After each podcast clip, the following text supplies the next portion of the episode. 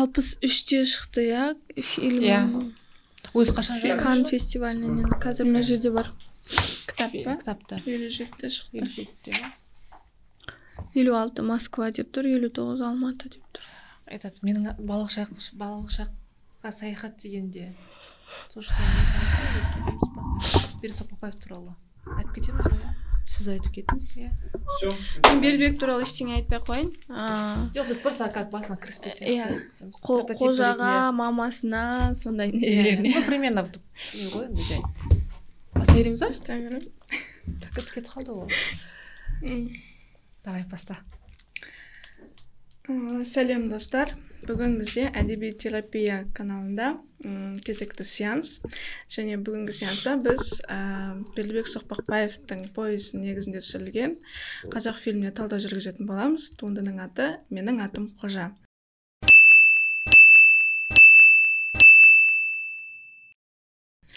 ә, және талдауды барынша кәсіби деңгейде өткізу үшін арнайы қонақтар шақырдық ол ә, адам іздеймін көлеңке жобаларының авторы және эксперт психолог маман эльвира ерғалина.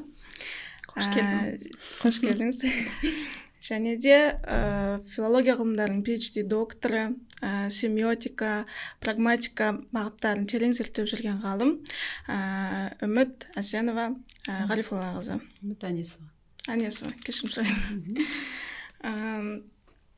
Енді және біз еркежанмен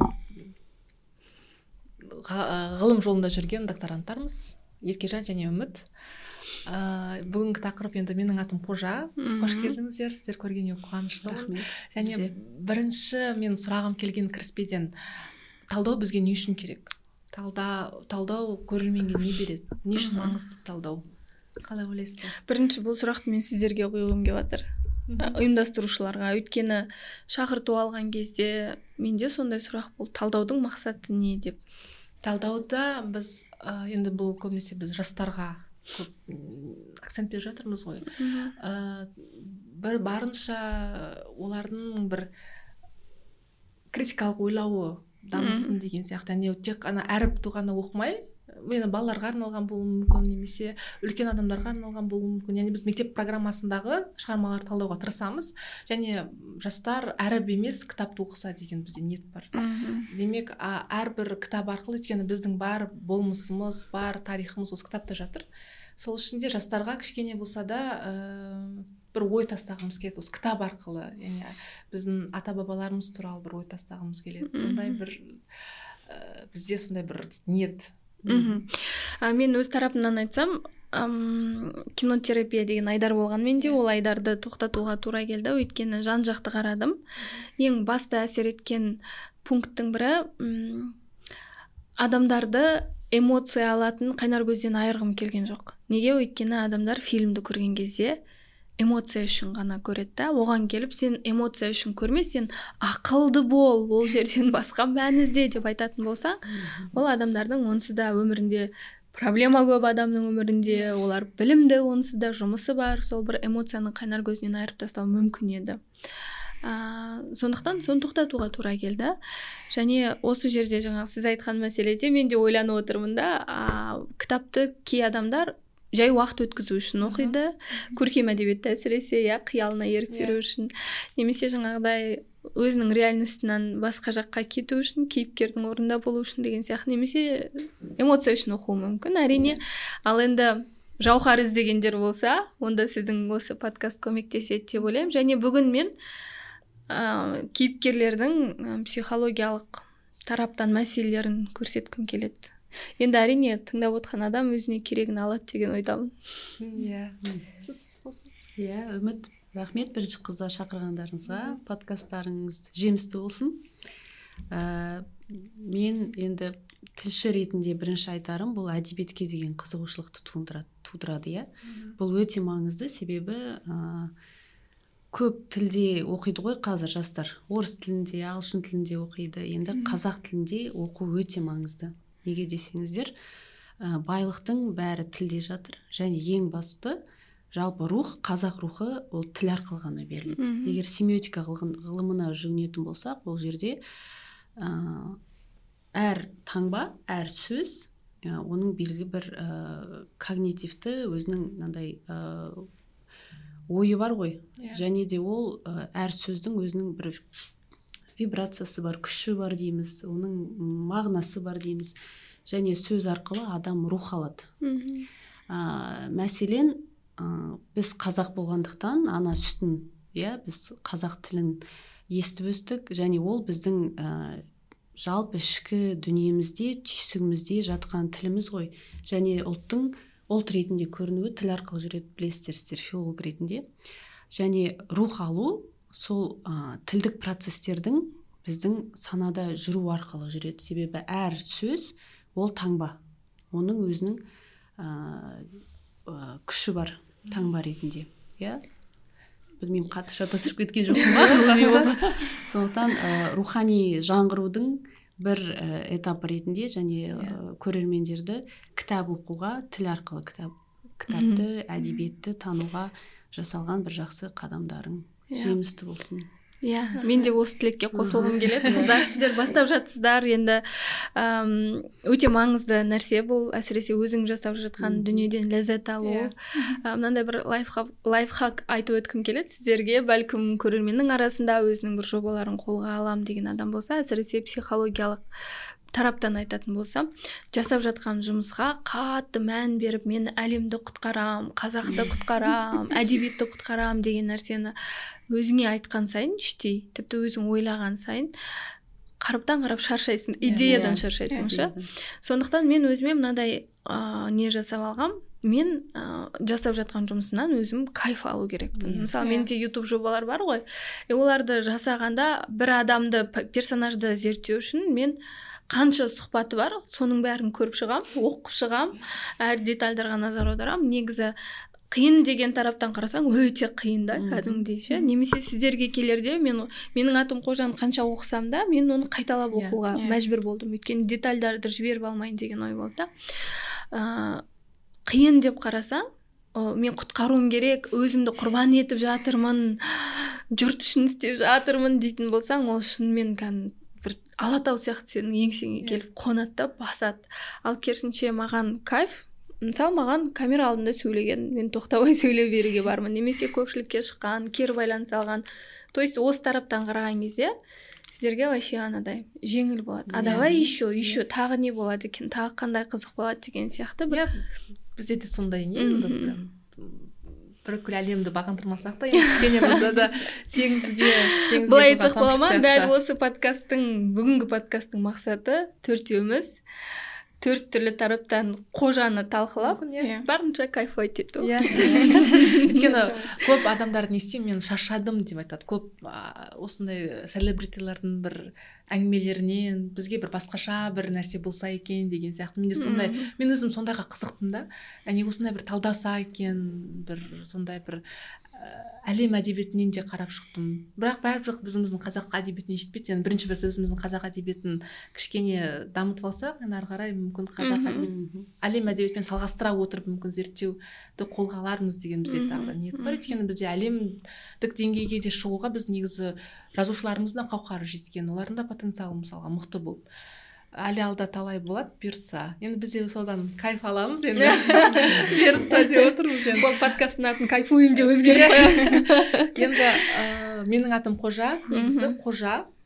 Бұл Бер- ә, бердібек соқпақбаевтың негізі прототипі деп айтады. Яғни ә, соқпақбаевтың өзі сондай бір ә, бала болған деген әңгіме бар. Өйткені мен балалық шаққа саяхат әңгімесінде де сондай бір қырларын көріп қаламыз. Және қожа деп айтылуының өзі негізі үлкен мән бар.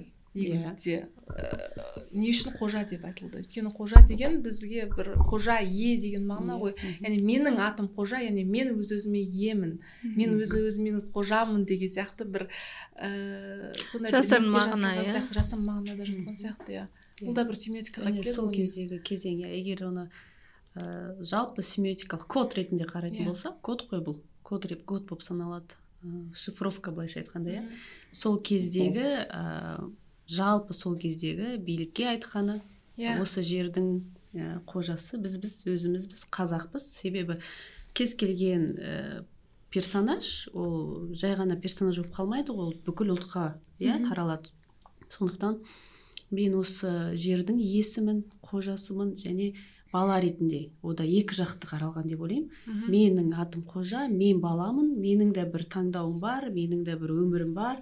Біз енді үлкендер негізі балалар, балаларға өзіміздің ә, ойлау жүйемізді мынау картина мирамызды береміз өзіміздің нәтижелерімізді алғымыз келеді олардан. Сен мына жерден бір жақ шығу керексің өсу керексің деген сияқты. Орысша айтқанда навязываем иә? Сол кезде қожа да айтады менің де өзімнің бір балалық бір ойым бар шығар. Мен де өзім адам ретінде жеке тұлға ретінде қалыптасқым келеді деген сияқты ой айтқысы келген Иә, деп неге терең терең осындай код бар. Ары қарай Иә. қарай берсе концептуалдық тұрғыдан біраз мағына шығады ол жерден. Иә сосын кітаптың аяқталуы әсіресе сол менің атым қожа деген атауына әдемі келіп түйіндейді мен өз ерік жігерімнің қожасымын. Бұзықтық жасаймын ба немесе тәртіпті боламын ба?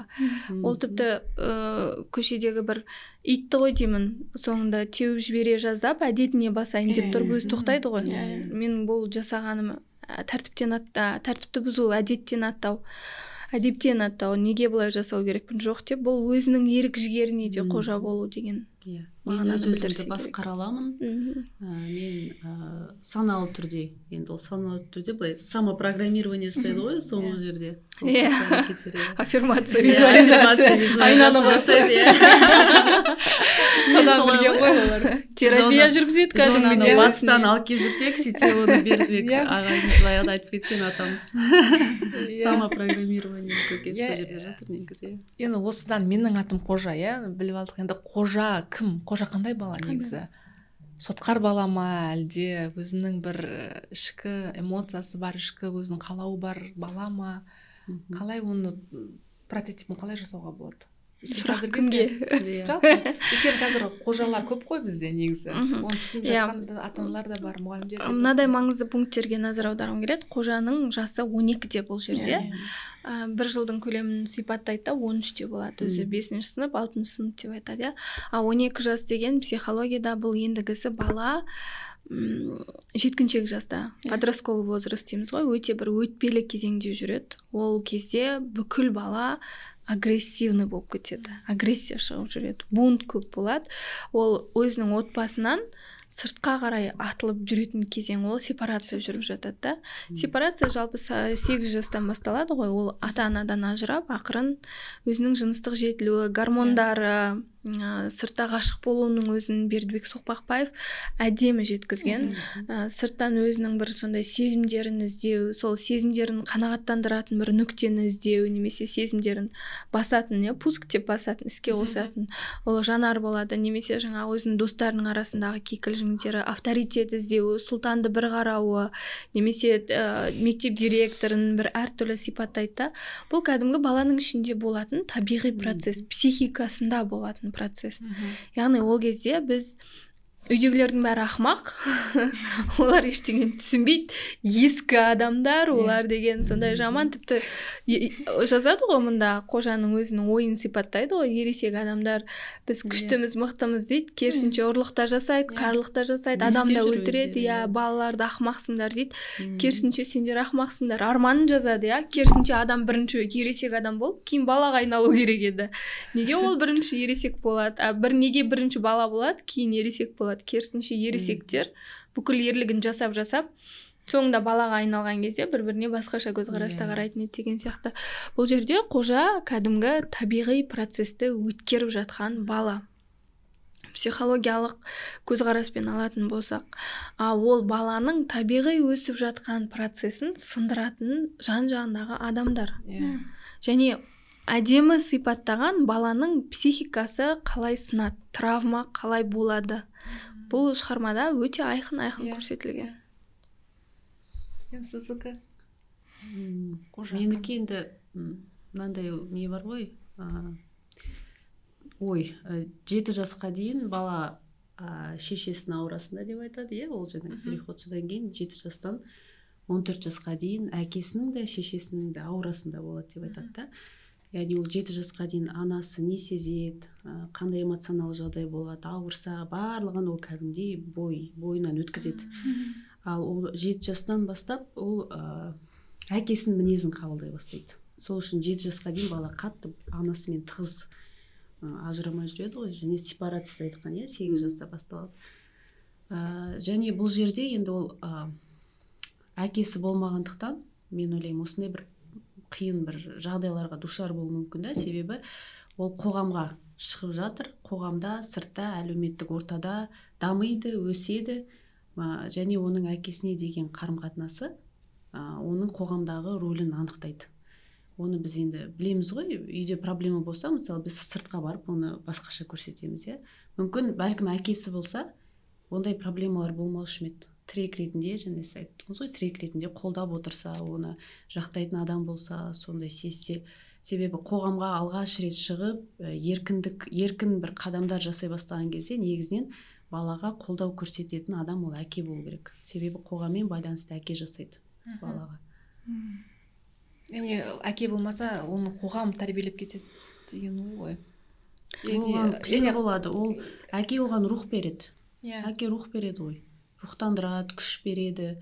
Ә, сосын ол кәдімгідей анау уверенность себе иә өз өзіне сенімді болып сөйтіп жүруші еді да. Бірақ ода неше түрлі ішкі конфликттер болып жатыр ғой. Сондықтан ол бірден еркін қоғамға бүйтіп кірісе алмайды. Иә мысалы жанармен сөйлескенде көреміз Иә. басқа бір достарымен сөйлескенде көреміз. Тіпті ә, класс жетекшісімен ол қарым қатынас жасай алмайды одан қарым қатынас жасау дәл сондай проблемалар көп. Себебі қоғаммен байланыстыратын әке. Әкесімен жақсы тіл алысып әкесі болса бәлкім ол бірден барып бар ғой балалар еркін сезінетін өзін сондай ортада. Сол әлеуметтік ортада ары қарай жетіліп кетер ме еді. Сол үшін ол неше түрлі осындай кризистарға душар болады. Осы жерде жаңағы әке туралы айтып отырсыздар ғой ыыы қаратайдың сөзі бар ғой осындайда үйге ер адам керек деп Иә, айтады ғой. Иә, иә. ол қаншалықты дұрыс нәрсе негізі. Ыыы өйткені қожам өзінің әрекеттерімен тарсылдатып нетеді қозғалады иә көрсетеді ол адамды жақтырмайтынын.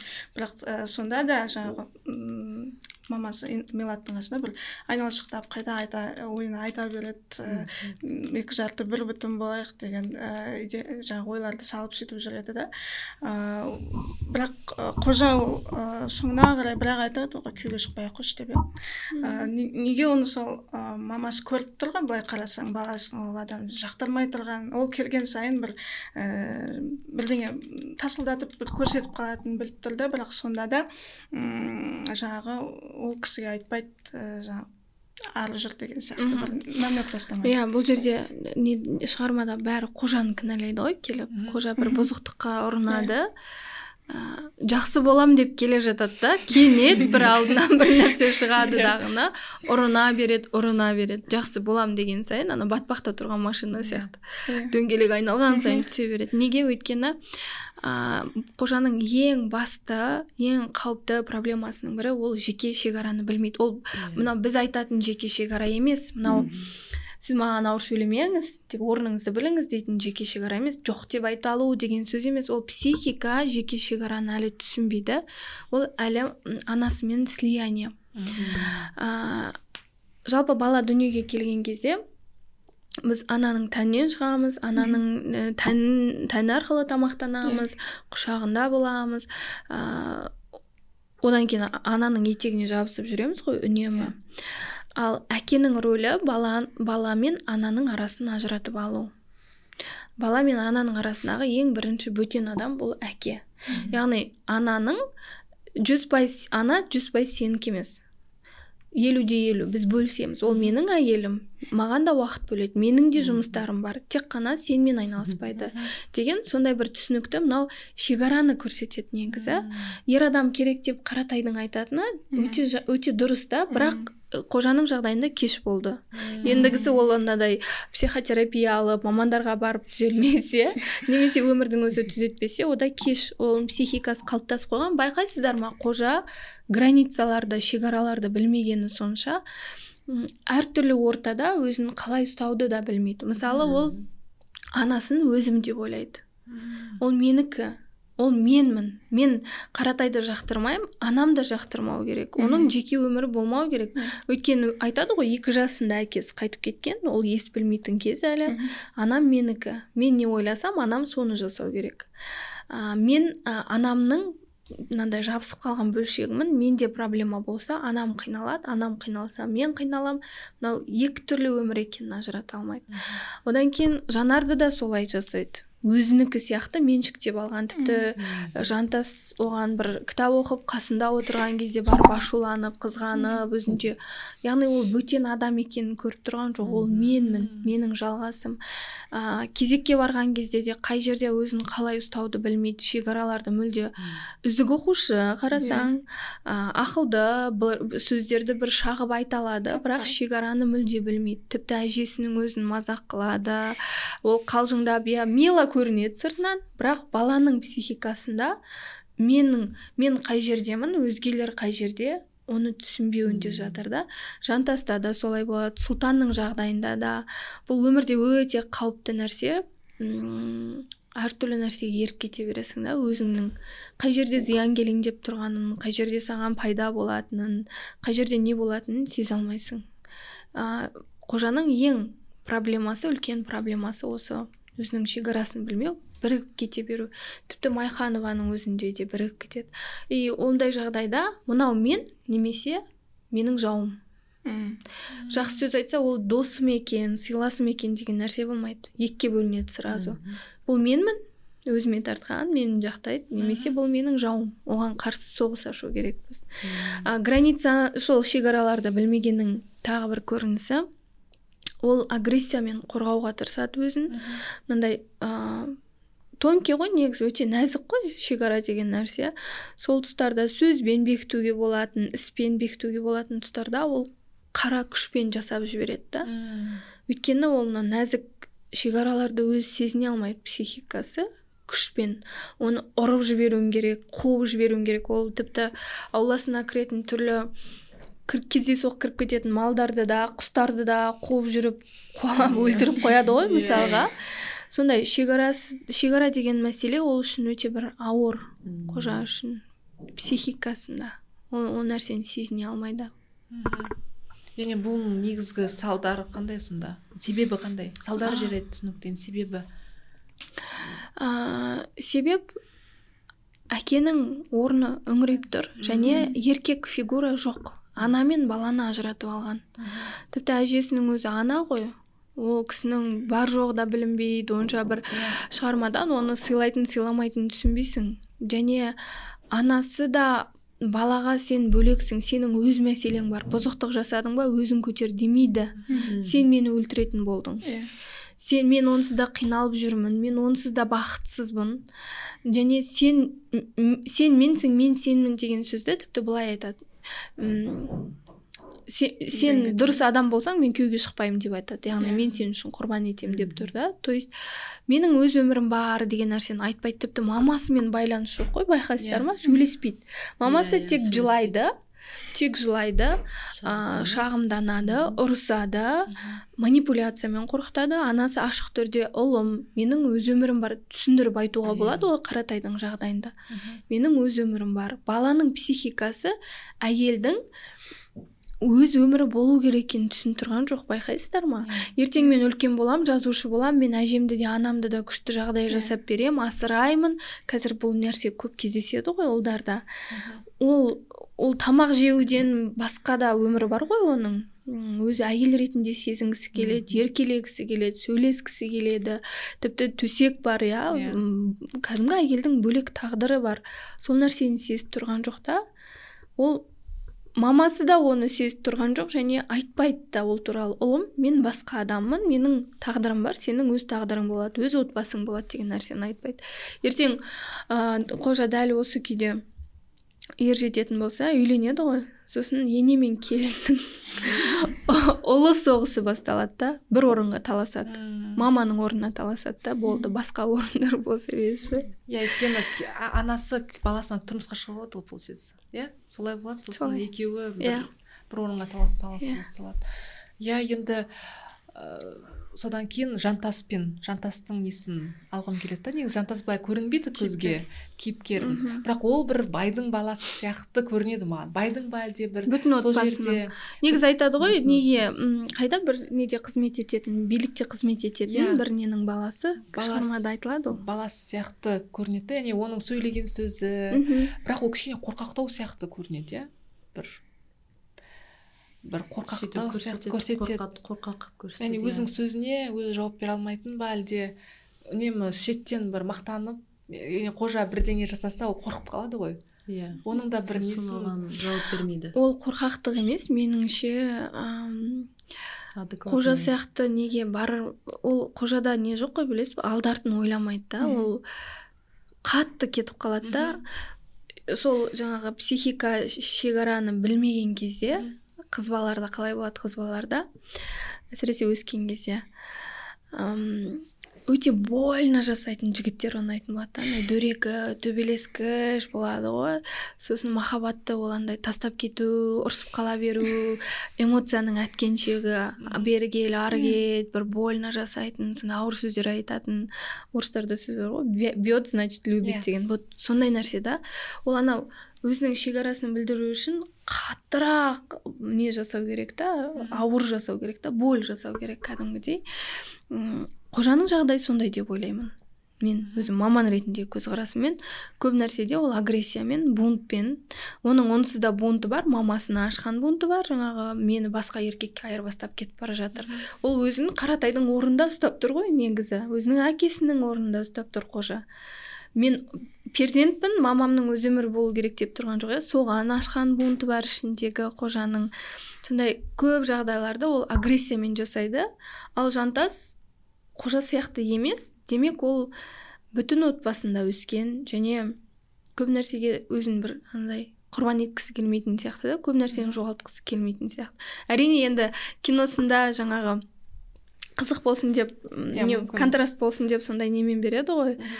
Бірақ оның кез келген нәрсесін қожа ауыр қабылдай береді мысалы да Иә. қожаға келіп тиеді жантастың айдалаға атқан оғы қожаға келіп Иә. тиеді деген сияқты. жанарды да осылай не қылады мен бір мақаланы оқыдым жанар туралы жазған бір үлкен мақала жазған сол айтады жанар ол сол кездегі қыздардың көрінісі деп айтады да. Яғни сол кезде синдром отличницы деген болды ғой. Яғни барлығын үлгеретін сондай міне осы қыз деп үлгі тұтатын сияқты бір. Және қожаны үнемі ақтап алғысы келіп тұрады оны құтқарып алғысы келіп тұрады. Яғни қазір айтады ғой спасатель деген сияқты. Сондай бір роль модел деп айтады ғой. Сондай бір модель қалыптастырған дейді да.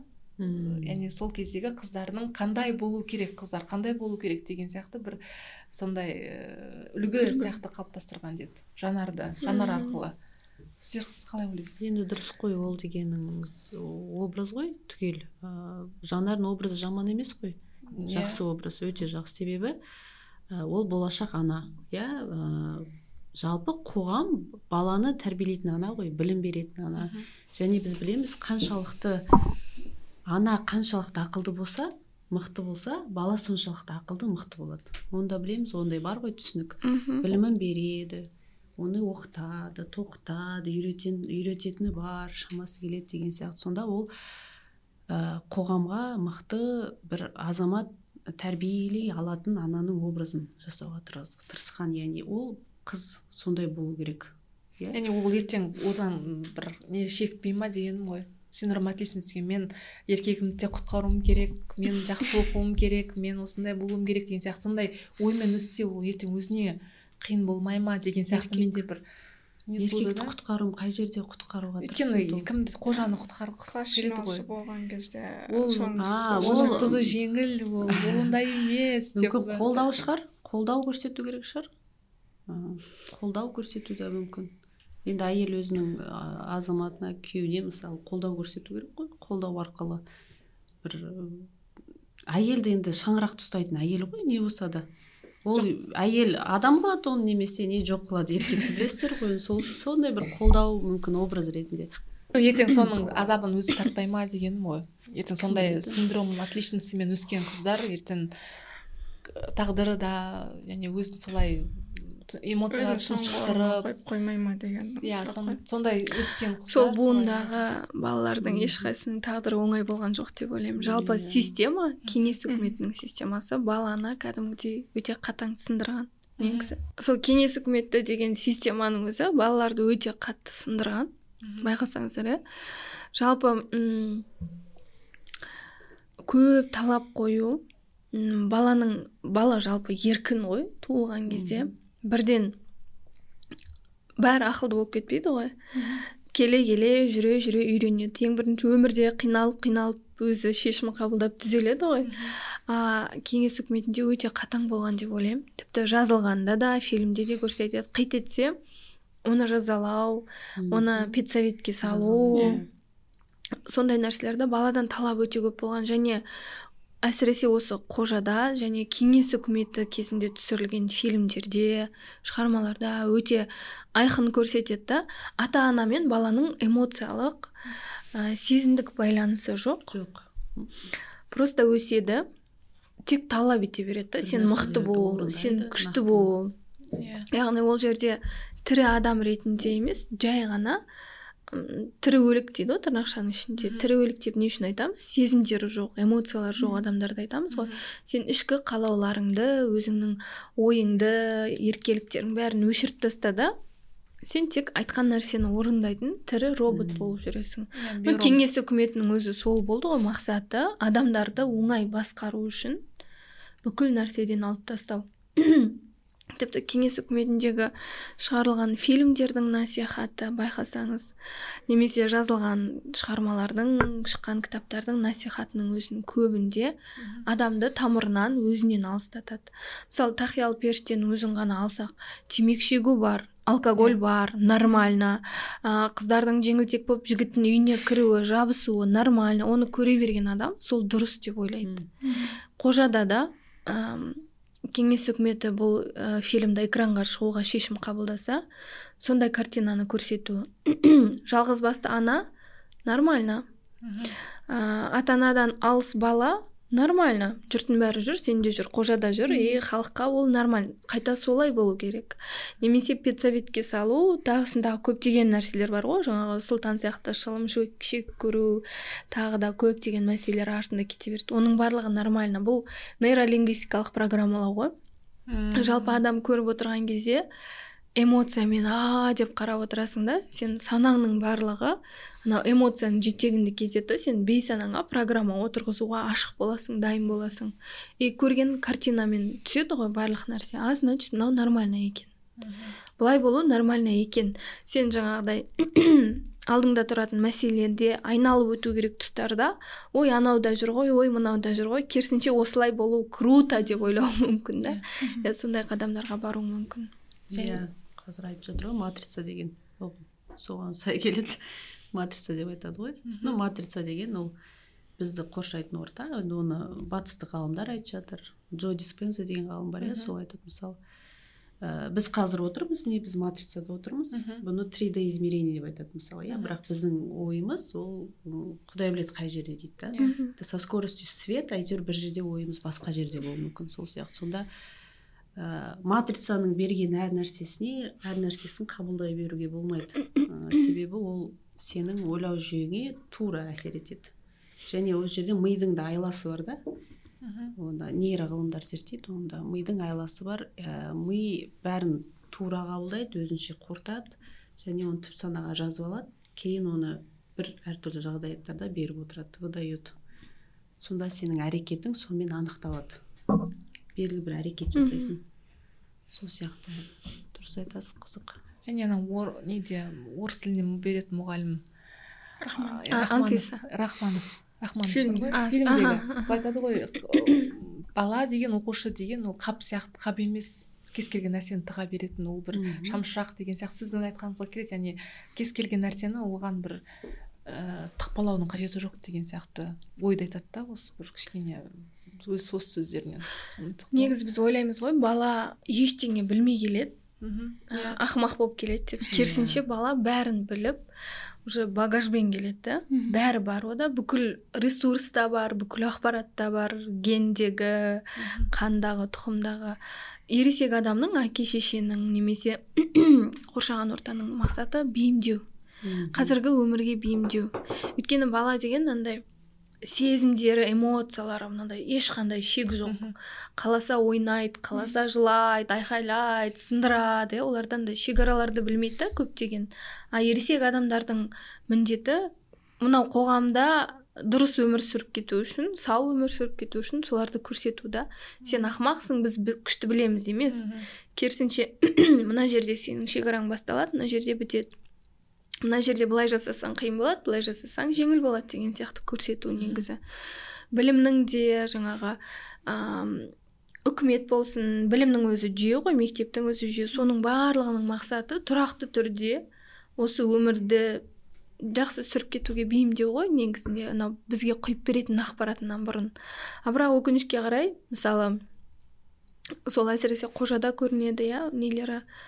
Директоры болсын жаңағы мұғалімдерінің бәрі болсын сен сотқарсың сен оңбағансың сен адам болмайсың сен өйстіп жүріп бір күні ұры боласың қарақшы боласың деген сияқты тіпті анау қазды өлтіріп қойған кезде келеді ғой несі ауылдасы сол да айтады мысалы сен мына түріңмен қарақшы боласың яғни баланы баса береді да ол қателесіп кетті не себепті қателесті неге? бір нәрсе бола береді бола береді тек айналасындағы адамдар өзгереді.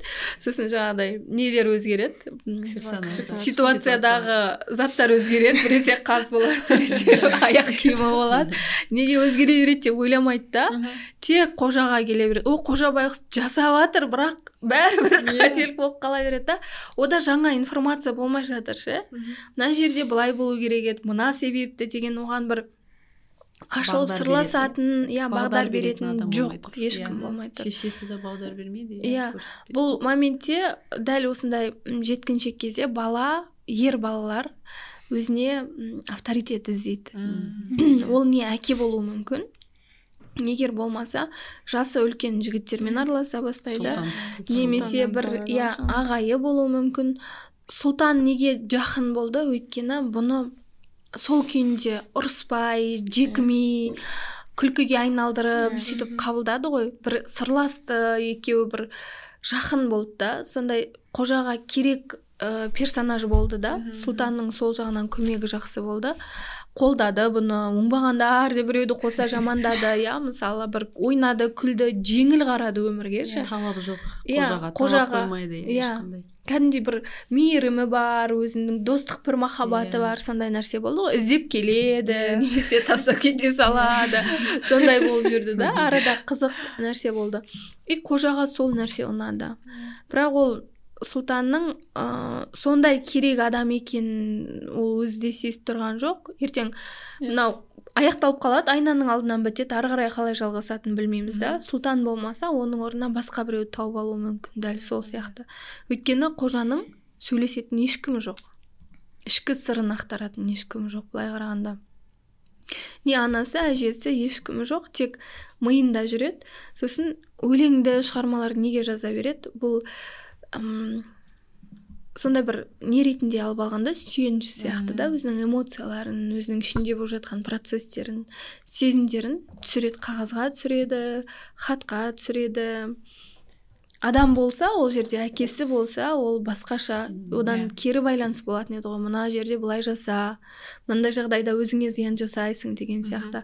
Ал тек қожада қолдау да жоқ ондай бағыт бағдар көрсету де жоқ. Тек қана жазалау бар тек қана ұрысу бар Иә. тек қана кінәлау бар. Манипуляция көп. Иә сұлтанды қалай деп алсақ болады сұлтан образын? Сұлтан да негізі өте бір ол да алғыр бала болған ғой негізі. Ол қалай кез келген ситуациядан шығып кете алуы да бір оның бір потенциалын да көрсетеді Иә, ғой иә. негізі. Оны да бір жаман бала деп айтуға келмейді бірақ ол әкесімен қарым қатынасы туралы бір екі неде айтып қалады ғой. Әкесінің арасындағы оның да сондай тура сондай сияқты қожа сияқты онда сырласатын ешкім жоқ. Әке шешесімен айтылмаса да ішінде қарым қатынасы бірақ ұруы оны төмпештеуі онымен сөйлеспеуі де осындай неде байқалады. Мхм. Әкесіне деген мүмкін реніші болуы мүмкін. Негізі ол малшының баласы иә? Иә жылқышының баласы. жылқышының баласы. Ол сұлтан өзі шешіп қойған сияқты.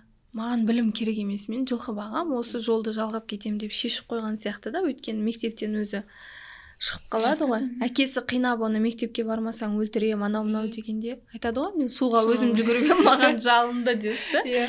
Яғни ол әкесінің жолын жалғауды шешіп қойған сияқты да өзіне білім керек емес деп бір ойлай шешім қабылдаған сияқты. Ал былай негізі сұлтанның білімі өте көп екені байқалады Иә. әсіресе жаңағы асау аттарды мінуі немесе табиғатпен қарым қатынасы қай жерде не бар екенін көруі тіпті иә практикалық. атып алады жаңағы құсты атады аңды атады балықты аулайды яғни оның барлығын жасауда бір нәрсенің керек нәрсесін өте тез таба алады. Ә, тіпті адаммен коммуникация құрған кезде де бір айласы бар өзін әбден бейімделген да ол сұлтан әбден ну даланың тазысы деп айтады ғой. Ол өмір сүруге әбден бейімделген өзінің жолын өзіне айқындап алған да. Ол бар болғаны әкесі мен қалаған сұлтан бол деп оны бұзғысы келген сияқты да яғни сен білім ал кеңес үкіметінде білімің болмаса сен ешкім емессің Иә. деген ұран болды ғой.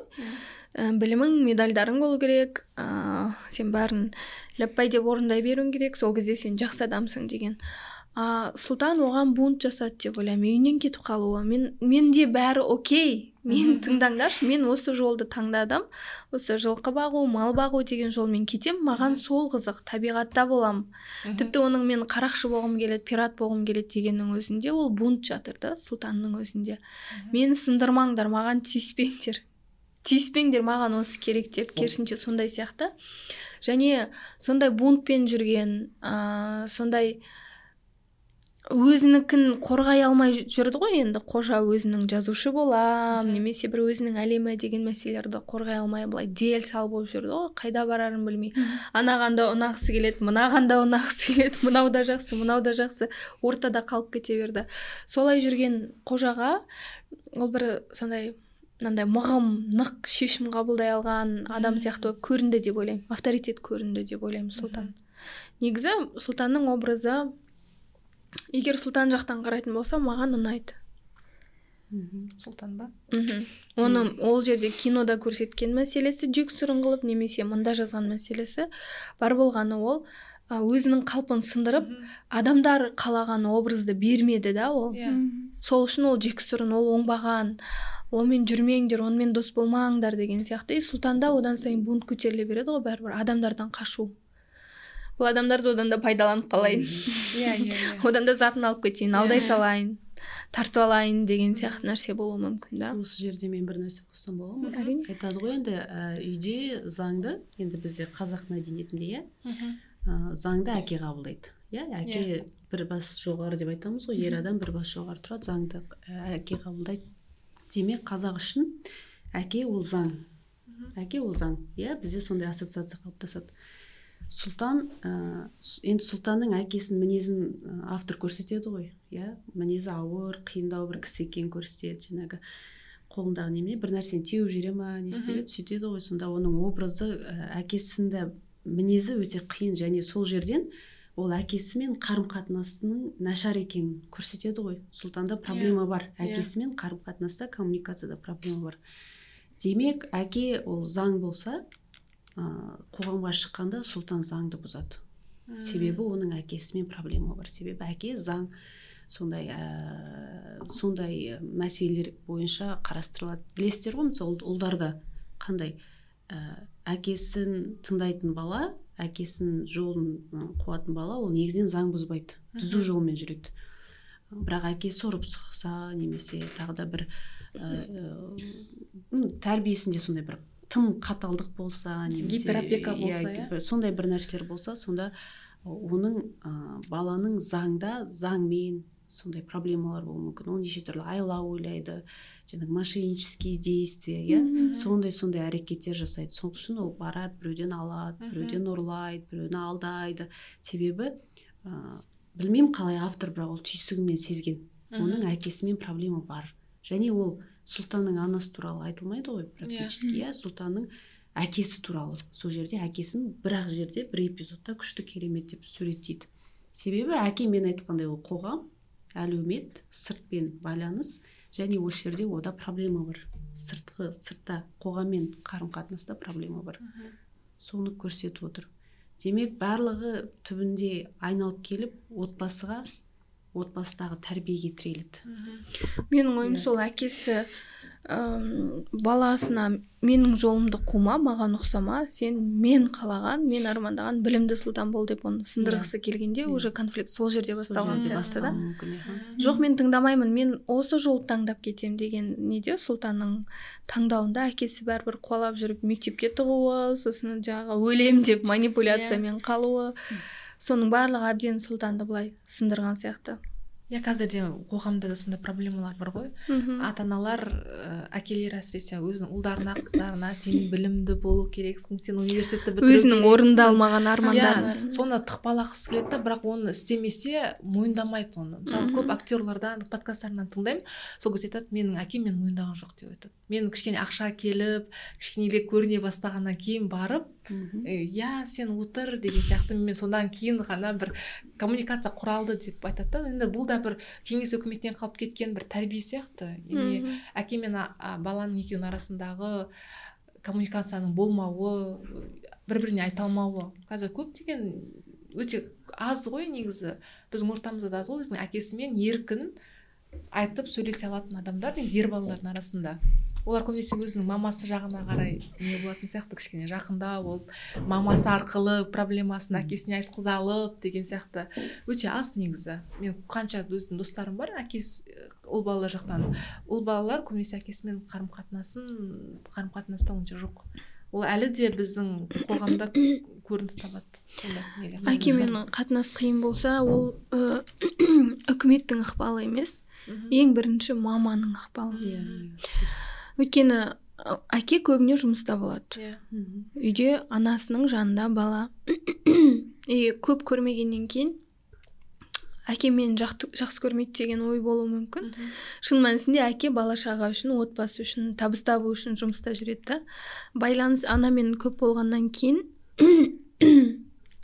байланыс анамен көп болғаннан кейін оның түрлі эмоциялық күйін көреді ғой ананың.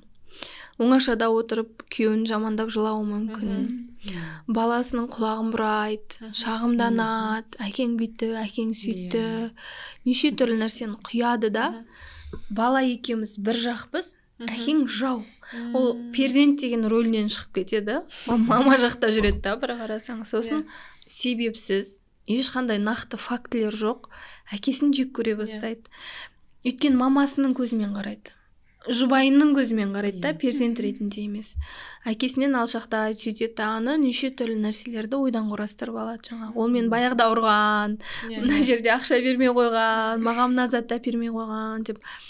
Егер бала мен әкенің арасында қатынас өте күрделі болса жаңағыдай агрессияға толы болатын болса ол бірінші ананың ықпалы болады. Мамасы ол ойлайды менің балам ә, шағымданып жатырмын немесе мәселемді айтып жатырмын. Тіпті айтпаса да анасын бала қатты сезеді ғой. Жылауы мүмкін отырып алып қарғауы мүмкін әртүрлі жағдайлар бар да. Соны көрген бала мамасының жағына шығып кетеді болды. Перзент емес.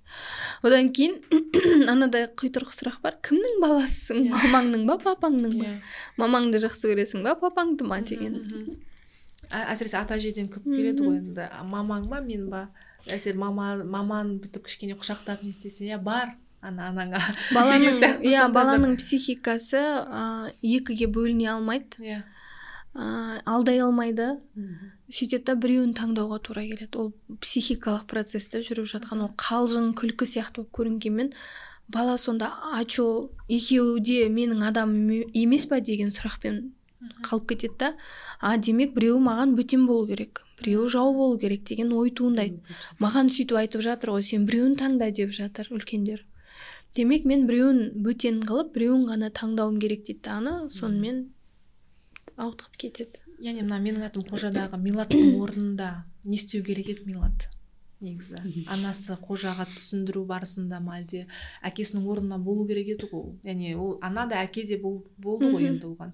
Ол қандай ә, сол қожаның ішкі жан дүниесін түсіну үшін қандай бір жалпы еді? сол кездегі қазақ әйелдерінің бір ашық айқын көрінісі. Өйткені оның күйеуі соғысқа кетті. Соғыстан келмей қалды. Ол өзі барып ажырасып кеткен жоқ иә.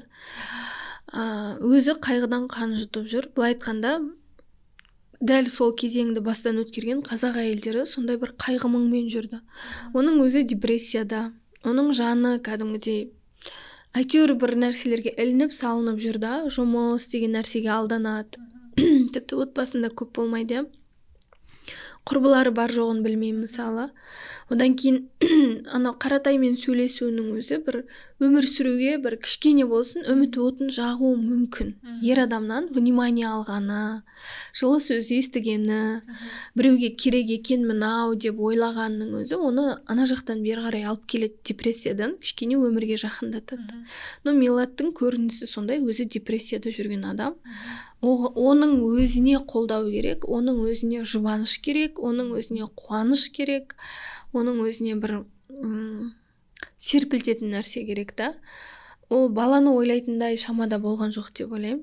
Ер ер бала болғасын тіптен өзі қалай да өседі деп ойлауы мүмкін. Қыз бала енді мама деп қасына келіп жақындауы мүмкін ғой. Иә. Ал ер бала болғаннан кейін тем более ол сыртқа жүгіріп кете беретін болғаннан кейін қожа болса бес алып жүрді мектепте мақтау алды. Демек бәрі жақсы деп ойлап жүрді да ол. Ал бірақ бұл жерде милаттың өзі де қиын күйде депрессияда оның салдары ұлына беріліп жатыр. А оның жағдайында менің ойымша ең қолынан келген вариант солай жасау керек болған шығар. Тіпті ол өзінің сол ауыр күйін ә, үйдегілерге көрсетпейін оларға салмақ салмайын деп керісінше ол сыртта жүруі мүмкін да. Милаттың өзі неде сауыншы жұмысында жүреді ғой көбіне колхозда иә? Иә. Сол жақта жүреді. Яғни мен осы жаман күйімді көрсетпейінші үйдегілер мұңаймасыншы деп сондай бір оймен жақсы нәрсе жасап жатырмын деп те сыртқа ұмтылуы мүмкін. Алайда бұл жерде бәрі жан күйзелісінде жүр. Әжесі де қожа да милат та ондай жағдайда енді қолдан келетін нәрсе ашық сөйлесу. Негізі ашық айтса өзінде болып жатқан процесті мен қорқамын мен не істерімді білмеймін. Маған осылай жұмыс әзірге м немесе күнкөріс ақша табу деген нәрсе әзірге мені тірі ұстап тұр. Немесе қаратайдың маған келгені ол милатқа ұнайтын болғаннан кейін келіп жүр ғой ол. Иә. Кетер емес құры десе ол келмейтін еді Иә. ғой. Яғни ол да маған бір үміт отын беріп жатыр. Бұл менің маңызды бір бөлшектерім. Осылар болғаннан кейін мен тірі жүрмін деп сөйлесу керек еді да. Бірақ қожа сенің өмірің бөлек сенің болашағың бөлек сен перзентсің мен сені жақсы көруім тоқтамайды деген сияқты солай нету керек еді. Олай сөйлесе алмады өкінішке қарай. қазіргі Иә. кезде де ақсап тұрған нәрсе сол ғой Иә. тіпті ондай ой да болмауы мүмкін Иә. милатта адамдар ашық сөйлесе алмайды бір біріне сол Мгм. үшін де ұрыс керіс ажырасу яғни адам өзінің ішкі қалауын айта алмағаннан кейін. Сондай бір қиын ситуация қиялына иллюзиямен түрлі ойлармен шешім Иә. қабылдап алады бір ғой адам үшін қабылдап алады да мысалға мен сөйтіп айтсам қазір ренжіп қалатын сияқты Иә. деген сияқты бір адам үшін шешім қабылдайды да и содан өзінің ішкі күйімен ішкі ойша ұрысып жүреді ойша ұрысып өзінен өзі білмейді түсінбейді әйел адамдарымыз өзі сондаймыз ғой кейде ы, өзінен өзі бірдеңе болып қалады сосын күйеуім ойша сондай ма деп өзің қабылдап аласың сонымен өзіңмен өзің ішкі жан дүниеңмен сеніп қаласың соған сеніп иә сама придумала. енді біз кішкене иллюзияға көп шалдығамыз ғой. Иллюзия көп Иә. бірақ милаттың ең басты рөлі ол жерде ә, ана ретінде иә? Сіз айтқандай жаңа баласы үшін депрессиядан шығу керек еді да и жай ғана оған махаббат беру керек еді. Иә. А басқа не береді енді ана? Біз енді қазір айттым ғой біз бәріміз белгілі бір результат күтеміз ғой баладан. Ол бүйту керек талап жаңағы.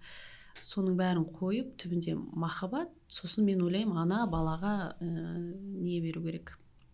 Мойындау керек баланы мадақтау керек оны. Сөйтіп көтермелесе бәлкім ол жақсы болып кетер ме еді мен білемін мен сенемін саған қожа.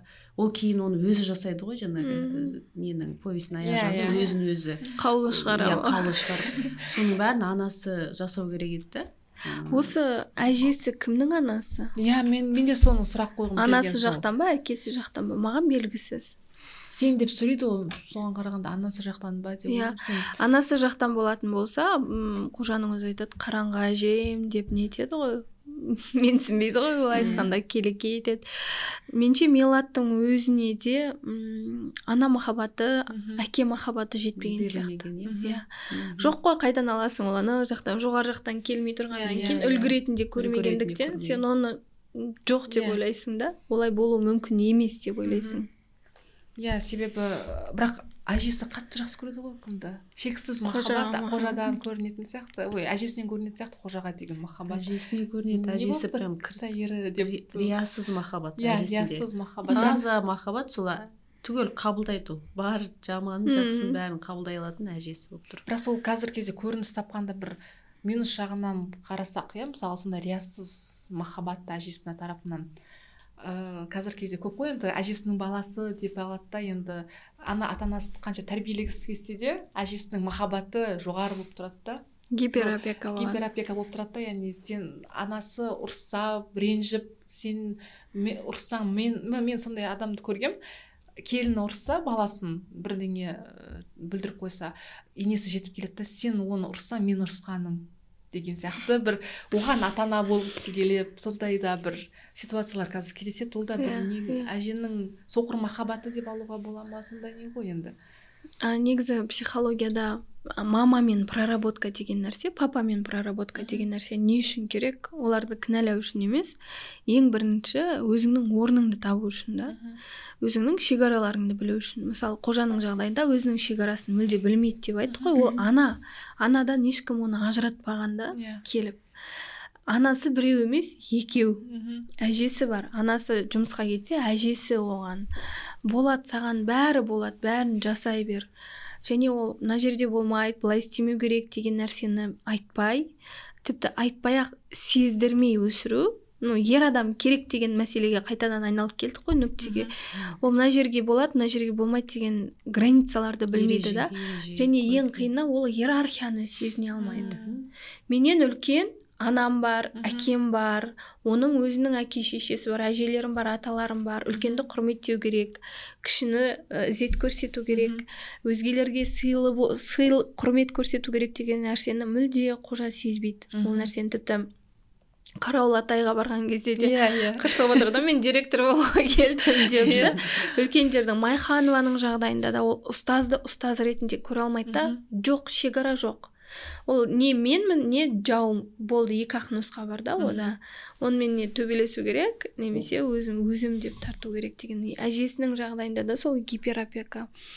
Жаңағыдай ә, ананың жаңа сіз айтып жатсыз ғой проблема ә, аналарына қарсы қойып қояды Мгм, иә. деген сияқты иә. Аналар боқтатады Иә. әкелерін боқтататындар ат- ол әтежелері бар ертең сол немере түрлі нәрсеге ұшырайды. Әсіресе осы иерархияны білмеу.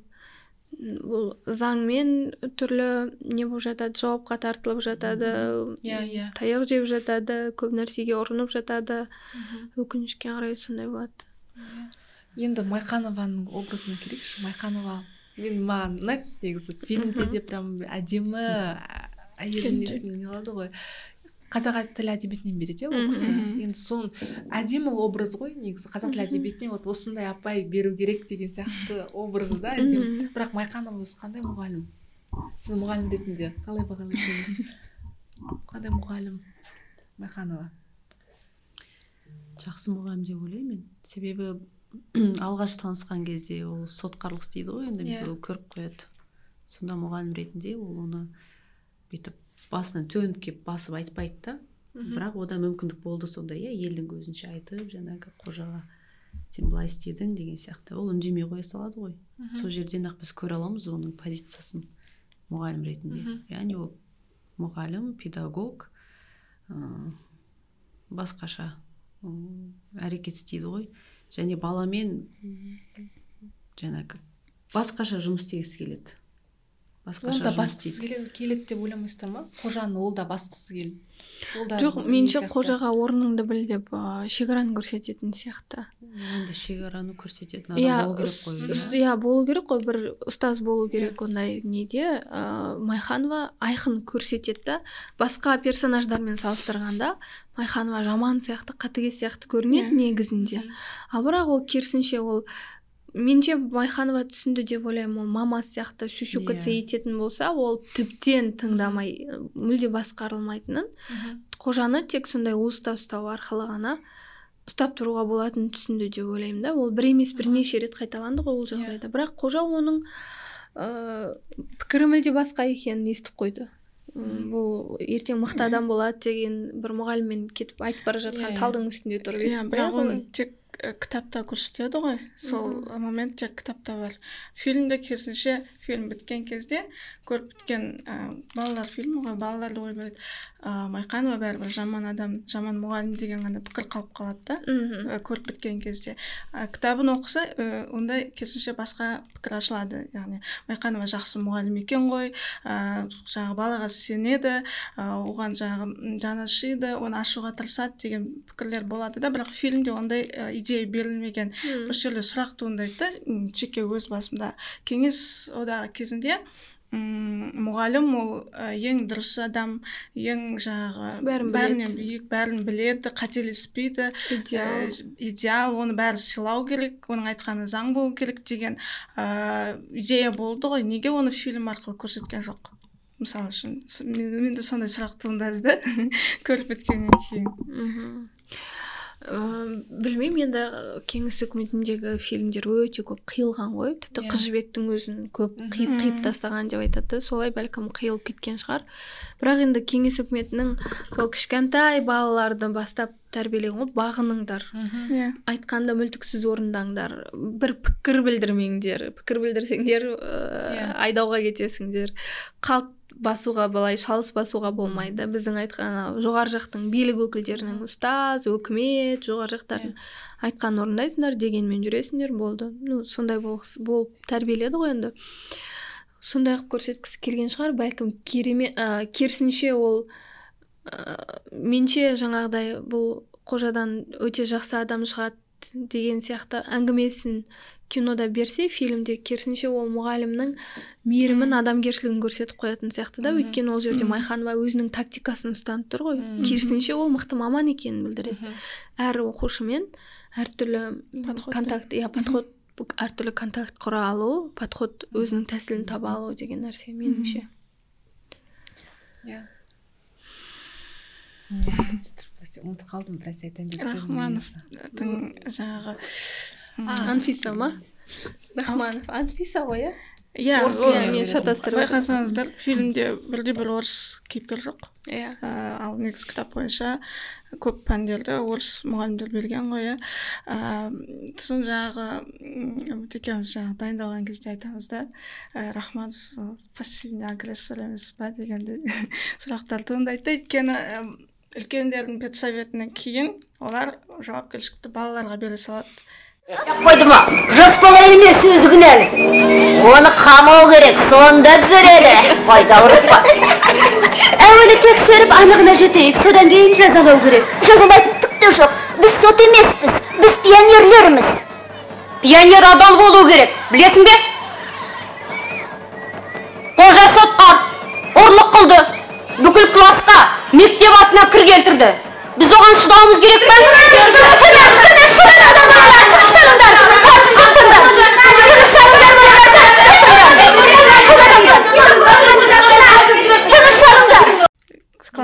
Өздері шешеді деп. Сол кезде жаңағы майқанованың шабуыл шабуыл деп айтсақ болатын шығар жаңағы ұрысқан кезінде майқановаға келіп рахманов ә, құтқарып әкесін есіне салып кешірімін сұратқызып алады ғой. Ал мына балалар жиналысында ол үндемейді өздеріңе бердік сендердікі дұрыс болады не шешсеңдер де қолдаймыз деп жаңағы қарап үндемей тыңдап отырады. Бұл жердегі ең шарықтау шегі менің ойымша осы.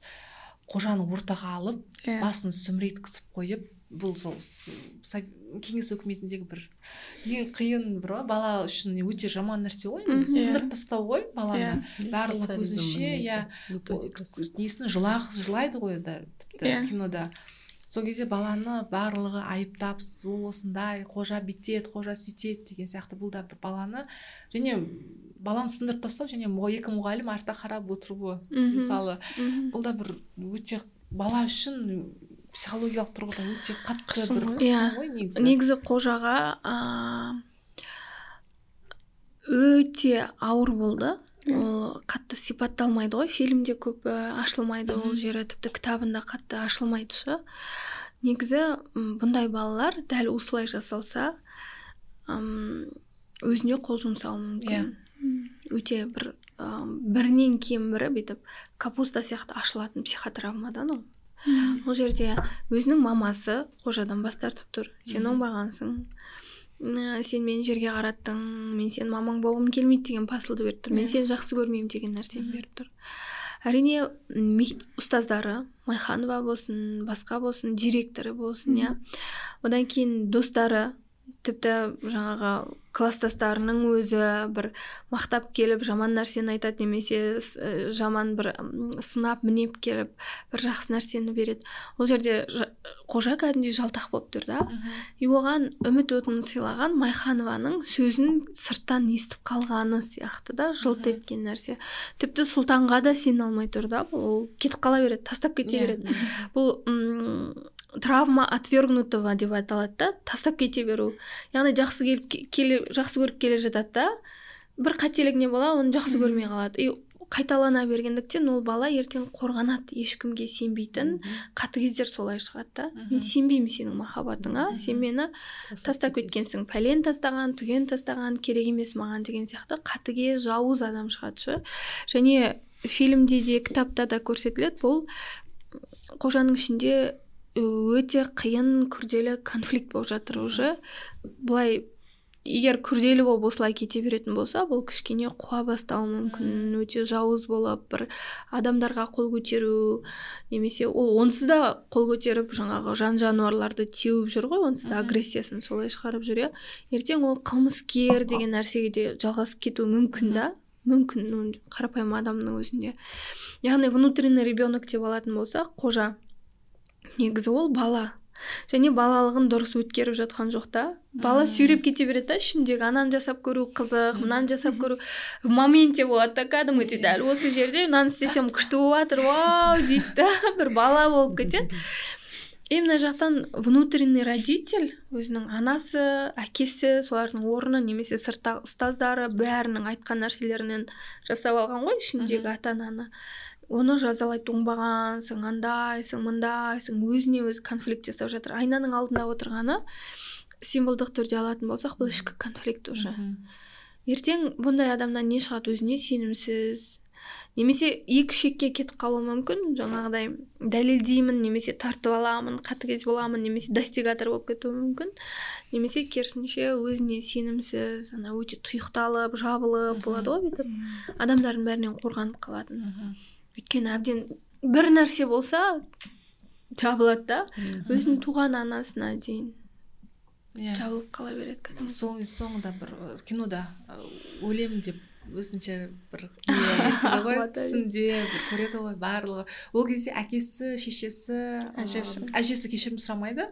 Ол жерде өзінің жек көрген сондай не істеген майханова кім Қойшы. қойшы жантас кешірім сұрайды яғни бұл жерде оның ішкі мені түсініңдерші деген сияқты ма әлде маған мейірім көрсетіңдерші менен кешірім сұраңдаршы деген сияқты бір ойы ма деп ойлаймын да сол сол сол ситуацияда. Яғни өзінің сол мен өлген мен менен мені бір жақсы көрсінші деген иә сияқты бір иә. ой мені сияқты жақсы көрсе деген иә ішкі бір мені түсінсе екен не осы кісілер. Иә. ол оған дейін жетпеді ғой әлі жиналысқа жаңағы мамасымен болған ситуацияға дейін жетпей жүрген кезінде көрді ғой оны. Мына конфликттер байқасаңыз сырттан келген шабуылдар бірінен кейін бір бола берді. Ғой қожа сен оңбағансың қожа сен оңбағансың. Жантастан басталады бірінші. Одан кейін майханова қосылады одан кейін жаңағы қойшы қосылады. Сосын жаңағы қазын кітапта бар қазды Иә. өлтіріп жеп Иә. жейді да сұлтан екеуі. Соның несі келеді? А, бәрі басталады көбейеді анау армия болып жатыр да. Ең соңында мамасы директор бүкіл класстастары барлығы армия болып жатыр да. Жақсы араласып келіп иә жақсы араласып келіп қателік үшін сен оңбағансың оңбағансың оңбағансың деп қыса беретін а, ол түсі арқылы сол ішкі конфликті уже басталғанын байқауға болады да. Уже қорқып жатыр уже шабуыл көбейіп жатыр да. Иә. бәрі бүкіл әлем менің өмір сүруіме қарсы деген неге түсінікке тоқтауы мүмкін да. Яғни осы жерде қазір жасөспірімдер біздің қазақстанда бірінші орындардың қатарында ғой негізі қателеспесем суицид иә әлем бойынша үшінші төртінші орында былай жүреді. иә. яғни осыда да бір яғни балаға бір әке әке шешесі тарапынан не қыс- қысым болуы мүмкін өзінің сыныптастары ортасы етуі мүмкін. Және сол кезде оның бір ғана шешімі мен өлсем менің анам қайғырады менен кешірім сұрайды менің қадірімді Өкінеді. біледі өкінеді деген сияқты бір өздерінің қойып қойған бір иллюзиялары бар Иә. сияқты да. Және сол иллюзиямен сол эмоциямен ол өздері де қол жұмсайтын сияқты негізі. Өйткені сау адам ондай жасауға қорқады ғой негізі. Өлімнен өйткені жан деген өмір сүргісі келеді ғой. Сол кезде де бір нені айт, айтқысы келіп тұрған сияқты да. Яғни осындай үлкен бунт бола беретін болса бала мүмкін өзіне қол жұмсайды мүмкін өлгісі келеді деген сияқты бір өкіндіремін қожа сияқты. Иә енді бұл да қазіргі жасөспірімдердің жалпы адам жасөспірімдер ғана емес үлкен адамдар да сөйтіп негізі әйелдер әсіресе. Баланы манипуляция жасап өзін өлімге манипуляция жасап ауырып қалады. ауырып қалады иә. Сондайды нені алсақ болады алса болады осы осы ситуацияда. Мамасы да жасайды ғой манипуляцияны. Айқын жасайды милат иә сен ақ мені өлтіретін болдың. Ә, әкеңнің қайғысынан әлі неге келе алмай жатыр едім. Сен неге мені ойламайсың деген нәрсені нетеді ғой ол? Сен бала екенсің. қиналады иә қожа. Иә. Потому что бүйтіп айтады ғой анау ә, ә, баланың эмоциональный сосуды дейді ғой енді сіз білесіз ғой ол кішкентай болады дейді да. Ол ә, қанша тырысса да ол шешесіне көмектесе алмайды. Себебі шешесінің ананың эмоционалды сосуды үлкен болады әке шешесінің а, баланың оларға қатысты несі кішкентай болады. Сонда айтады ғой жүрегім қанжылап кетті дейді ғой кәдімгідей. Қанжылады дейді. Сонда анасы жылап отыр ғой енді. Бірақ кәдімгідей қатты қиналғанын сөйтіп көрсетеді автор. Сонда ол қанша тырысса да ол шешесін ана жерде жұбата алмайтынын біліп тұр. Не істерін білмейді дәрменсіз болып қалады қо- қолынан келмейді. Сонда бізде жалпы қазақ қоғамында ондай үрдіс бар ғой. Бала сөйтіп а, аналар манипуляция жасайтын кезде бала қанша көмектесем деп тырысса да ол лояльность деп аталады лояльность жасайды оған. Көмектесемін мен қыздарда бар әсіресе шексіз махаббаттан иә. перзенттік иә махаббаттан ол перзенттік махаббаттан ода ешқандай не жоқ ол жа- жаңағы риясыз махаббаттың нәтижесінде ол анасымен анасына лояльный болады. Былайша орысша қазақшасын білмеймін қалай лояльный болады. Яғни мен бөлсем сенің ыыы, көтерсем жүгіңді көтерсем жүгіңді көтерсем сен жалғыз емеспін ана дейді да. Ол сосын ана анасына көмектескісі келіп тұрады. Бірақ баланың оған қауқары жетпейді. Бала дәрменсіз. Осы кезде жаңағы айтып отырған позициялар орындар ауысып кетеді иә сол кезде ауысады. Және ә, осы кезде милат керісінше ә, ана ретінде өзінің күшін көрсету керек еді да баланы иә қорғау керек баланы еді. қорғау керек еді оған жаңағы қамқоршылық жасау керек еді. Бірақ осы кезде керісінше болып кетіп жығып берді Иә. ғой ол. жығып берді. Сонда бала ә, мықты жаңағы рухты сондай иә психологиялық эмоционалдық күйі жақсы болу- үшін әке шешесі үнемі тірек болып тұру керек та балаға. Сол тіректі көрген бала ол сотқарлық жасаса да қорғанышым бар бірақ оны жеңіл қабылдайды. Ол ол жаңағы неден менен бас тартпайтын иә, адамдар бар деп Иә. сенеді да. Иә. менен бас тартпайтын адамдар бар яғни мен қолдайтын адамдар бар. Сосын жалпы қателік жасайды адам үйренеді содан деген сияқты нәрселерді көрсету керек. Осы жерде анасына ол қанша көмектесем десе де ол қауқар жетпейді күші жетпей қалады. Себебі эмоциональный сосуд кішкентай шамасы жетпейді. Иә. және ә, ең қауіптісі анасының қожаға дейінгі қожаның мәселесіне дейін өте көп қайғысы болды ғой. Енді күйеуінен айырылу бар жұмысында басқа мәселелер бар шығар. Өзінің әке шешесімен проблема болуы мүмкін. Қожа оның барлығын түсінбейді ғой. Өзі саралай алмайды ол бала. Түбегейлі былай тарқатып ә, көре алмайды анасының бүкіл қайғысына мен кінәлімін деп өзін кінәлауы мүмкін да. Иә иә. Барлығына мен кінәлі бүкіл бақытсыздығына мен кінәлімін деуі мүмкін. Ол бала үшін өте өте қауіпті. Мгм. енді осыны қорытындылай келейін. Мхм. Соңғы нүктесінде сұрақ. Қожалар не істеу керек? Қазіргі қоғамдағы қожалар не істеу керек? Және өзін сондай ата анасымен қарым қатынасын енді ол дұрыстай алмайды ғой. Өйткені анасы бірінші қадам жасау керек қой негізі. Үлкендер бірінші қадам жасау керек қой баланы түсіну үшін. Сондай ситуацияда жүрген балалар және сондай баласы бар аналар не істеу керек қандай қалай оны сол қоғамға бейімдей алу керек сондай сұрақ баланы қалай бейімдеу керек Иә. дейсіз ба енді сондай бір Енді бұл- послушный бала емес кішкене бунт бунтарь балалар Иә, болады бұл ғой енді. Бұл бұл бағдарламаны негізінен үлкендер көретін шығар енді мүмкін жаңағы подростковый подростковый. жеткіншектер көрмесе енді иә? Көруі мүмкін. Иә көру мүмкін. Ондай балалар білім алу керек біріншіден жалпы түсіну керек иә? Семиотикада мынандай заң бар шарттылық заңы деген. Өте қызық заң ол условный знак деп аталады. Яғни адамның жасаған нәрсесі көбісі шартты. Біз шартты түрде жасаймыз. Таңба әріп ол шартты иә мысалы. Мынаны мен мысалы қалам деп атадым. Шартты түрде қазақтар бұны қалам деп атады. Ә, және бұны ағылшындар мысалы пен дейді. Егер де дүние жүзінде бәрі бірдей болса онда бұл дүние жүзінде дүниежүзі тілдерінде пен болушы еді немесе қалам болушы еді. Сол үшін қанша мыңдаған тіл бар иә. Ә, сондықтан адам бәрін шартты түрде жасайды. Және оны өзі жасап алады да оның ә, өзіне сенгені соншалықты ол мына табиғаттан ашықтап кетеміз ғой біз. Ол көбі иллюзорный болып кетеді ол шарттылық. Сонда бе- белгілі бір ә, шектеулер қояды иә белгілі бір модельдер құра- құрастырылады. Бірақ ә, қай ә, бала болмасын ол белгілі бір ә, модельдерде өмір сүру керек үлгіде иә. Ол семиотикада ә, через языковую картину мира деп аталады. Яғни ол тіл арқылы беріледі ол модельдер үлгі. Ә, сол үлгіде бала ә, өмір сүру керек бірақ шарттылық заңын түсіну керек Мгм. деп ойлаймын мен өзім. Себебі ә, ол шарттылыққа біз толықтай жүз процент сеніп кетеміз ғой. Демек біз көп нәрсеге толықтай сеніп кетеміз иә? Яғни қожа айтты ма былай болу керек. Яғни сен осы жерде сотқарлық жасадың демек сен ә, жамансың иә? Ол оған толықтай сеніп кетуі мүмкін. Сонда үміт үміт ә, үзілмеу керек. Иә біріншіден сол үміт үзілмеу керек. Екіншіден көп білім алу керек.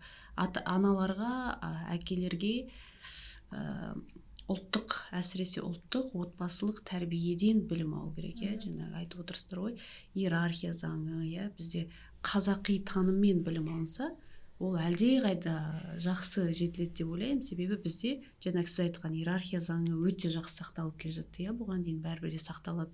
Әрине мәселелер бар. Әркімнің өзінің деп орны бар. Иә қазақ жалпы текті иә біз тіліміздің өзі бізде соншалықты бай. Біз дана дана халықпыз ғой.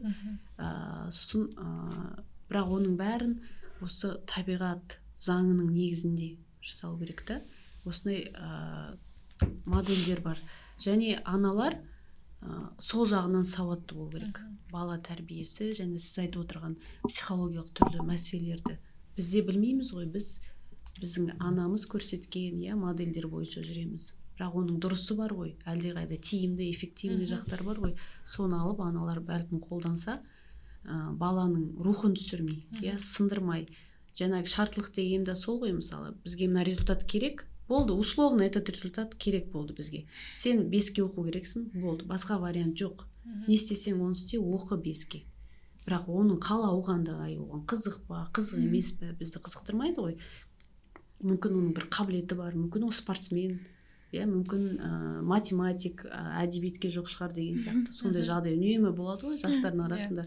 Көбі ә, шартты түрде опять же мынандай мамандық юристтер бір кезде мода болды бір кезде экономисттер мода болды қазір айтишниктер мода иә ол да шарттылық қой. Иә. ол да мынау ә, көп иллюзияның негізінде туындаған мәселе.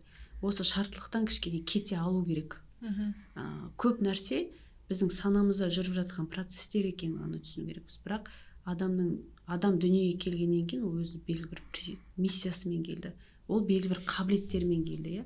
Сонда ана баланың қабілетін ашуға жұмыс істесе. Иә. және м, жалпы біздің қоғам мына жертва позициясынан кетсе иә қоғамда көп қой жертва позициясынан Иә. кетсе көп мәселе кетеміз иә, кетеміз ақырындап ақырындап кетіп жатыр иә. жинап жатыр сол жертва позициясына кету үшін рухтану керек Иә. рух тілден келеді сол үшін қазақша көп болсын жаңағы рухани әңгімелер көп болсын осы секілді сіздердің бағдарламаларыңыз көп болсын оқып білсін барлығы біздің тарихымызда тілімізде жатыр сол жағына қарай жүру керек. Бірақ шартты түрде мысалы батыстан келген андан келген нәрселердің елегіне кетіп еліктей берудің қажеті жоқ. Өзіміздің ішімізден жақсартып жөндеп жаңағы модернизациялап жасап алуға болады. Соны ең бірінші аналар жасау керек деп ойлаймын мен. Ананың көп рөлі осы жерде бала тәрбиесіне. И және әкенің.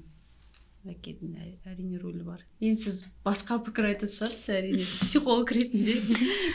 А, көп. негізі а, көп ата ана балалары осы жеткіншек жасқа келген кезде менің балам бұзылып кетті деп ойлайды. Мен тыңдамай бара жатыр маған сөз қайтаратын болды. Ол бір бөлініп жүр оған бір нәрсе ықпал етіп жүр деп ойлайды. Тіпті психологтарға жазады маған өте көп хат келеді.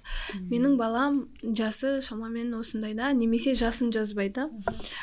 Соңғы кездері айтқанды істемейтін болды. М, мүлде тыңдамайды. Ә, көмегіңіз керек баламды алып келейін деген сияқты жазады да. Сұрайсың ғой жасы нешеде не болып жатыр? Сонда ол баланың бойында табиғи процестерді өткеріп жатқанын байқаймыз да. Мәселе бұл жерде балада емес мәселе ата анада ә, яғни жеткіншек жаста сегіз жастан асқаннан кейін қыз балаларда ұл балаларда ары қарай енді ендігісі бағынбайды. Сегіз жеті жасқа дейін құйылған фундамент құйылды соған дейін жасап үлгерсе үлгерді ата ана үлгермесе ары қарай табиғи процесс жүреді. Яғни ол ата анадан алыстайды өзі жеке адам ретінде қалыптаса бастайды бойында гормондар. Неше түрлі құбылыстар болып жатады. Жыныстық жетілу болады және ол бүкіл назары сыртта болады. Ол кездерде менің ата анам немесе үйдегілер ештеңені түсінбейді. Мен білемін ә, сырттағы болып жатқан нәрселерді мен жақсырақ білемін мен бәрін біліп қойдым деген сияқты максимализм болады ол кездерде.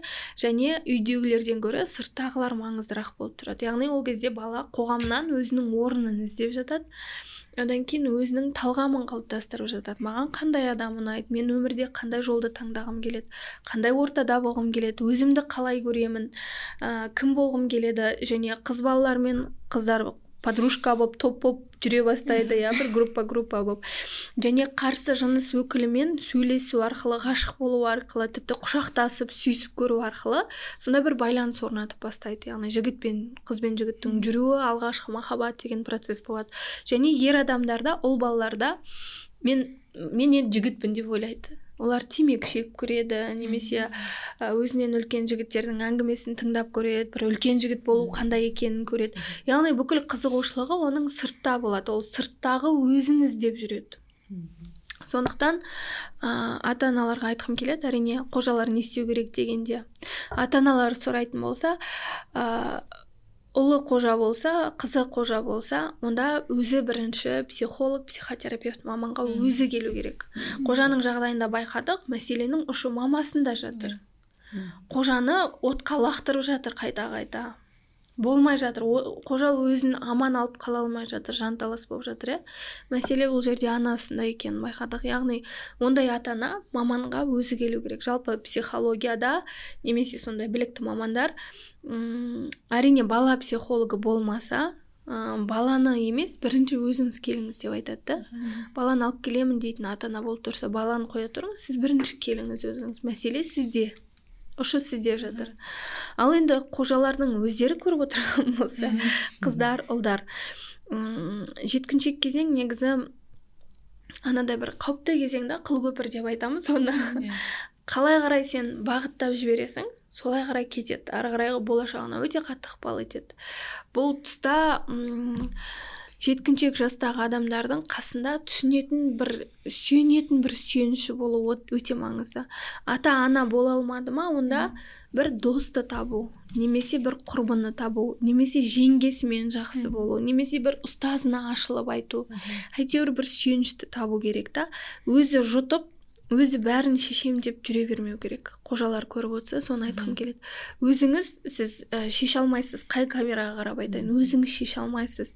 бір адамға айтыңыз мен қиналдым ә, мүмкіндігінше ол өзіңіздің қатарластарыңыз емес үлкен болған жақсы. Бәлкім ол әпкеңіз болар бәлкім ол жеңгеңіз бәлкім ағаңыз көкеңіз көршіңіз. Тіпті мұғалімдер болады ғой бір мұғалімді жақсы көріп тұрасың. Иә. Иә мен сізбен сөйлессем бола ма? деп бір ашық айту арқылы ешкімге айтпаңызшы деп сырласу арқылы іштегі мәселені бір м, төгеді бір шығарып алады жеңілдеп. Бір бар екіншісі сен қандай болсаң да қалай қателессең де мен сені сол күйіңде қабылдаймын. Мен сенен бас тартпай бас тартпаймын деген бір адам болу керек та. Яғни сондай бір модельді тауып алу керек. Немесе тіпті ондай адамдар болмаса әрине күнделік жазу немесе шығармашылықпен айналысу. Иә. Мен ойлаймын бердібек иә бердібек соқпақбаев Иә. қожа ғой өзі Иә, иә өзінің прототипі дедік. Бұл повестті жазған кезде өзіне шығармашылықты сүйеніш қылған сияқты. Яғни қожаның а, жазу арқылы иә. фильмдегі кітаптағы қожаның арғы әрекеті кітаптың шығуы болып тұр да. Яғни шығармашылықта өзіне сүйеніш қылды бүкіл эмоциясын бүкіл сезімдерін сол жаққа шығарып өзінің бір әлемін жасап алды деген ой түйдім мен. Иә. кеңес айтыңыз енді балам жеткіншек болады жақын арада. Қорытындыдан кейін ары қарай ештеңе айтып керек емес осыған дейін айтылған тосттарға сондай болды ғой не Ә, келген екі маман ханымға рахмет айтамыз. Негізі өте қызықты талдау болды. Жаңағы құнды маңызды әңгімелер айтылды. Ә, сондықтан әрі қарай енді біз көріп отырған көрермендер ә, бүгінгі талдаудан болсын немесе кітап оқығандар ә, фильм көргендер өздеріңізге ұнаған моменттерін ә, комментарийға пікір ретінде жазып қалдыруды ұмытпаңыздар. Сау Иә. болыңыздар қыздар өте құнды жұмыс жасап жатсыздар. Рахмет подкасттарыңыз үшін өте маңызды. Және үміт ханым сізбен танысқаныма қуаныштымын. Қыздар сіздермен де танысқаныма қуаныштымын. Иә. Өте маңызды м, әрі болашақта бұл ана буын ауысып ауысып көре беретін видео Иә. ғой ютубта тұра берсе ше өте бір жақсы вклад болады. Иә менде бірінші неғылған кезде мен қыздарыма деп не істедім екі қызым бар ғой. Мысалы қыздарыма арнайыншы деген сияқты менде бір сондай болды да. Сен құдай біледі ғой мен қалай мен айта аламын ба оларға? Мүмкін айта алмай кетеді кетуім де мүмкін ғой алланың ісі ғой енді. Сол кезде мені хоть сондай неден көрсе деген сияқты өзімде бір сондай бір мотивация болды шын айтқанда. Сізге рахмет эльвира ханым сіз психолог ретінде иә. Күшті кәдімгідей лайфхактар айттыңыз бізге. Иә бәрін. Біз енді осындай білім жетіспейді ғой бізге шын Иә. мәнінде. Дәл сол моментте не істеу керек? Біз хаотично былай айтқанда эмоциямен өзіміздің үйренген модельдерімізбен әрекет етеміз ғой.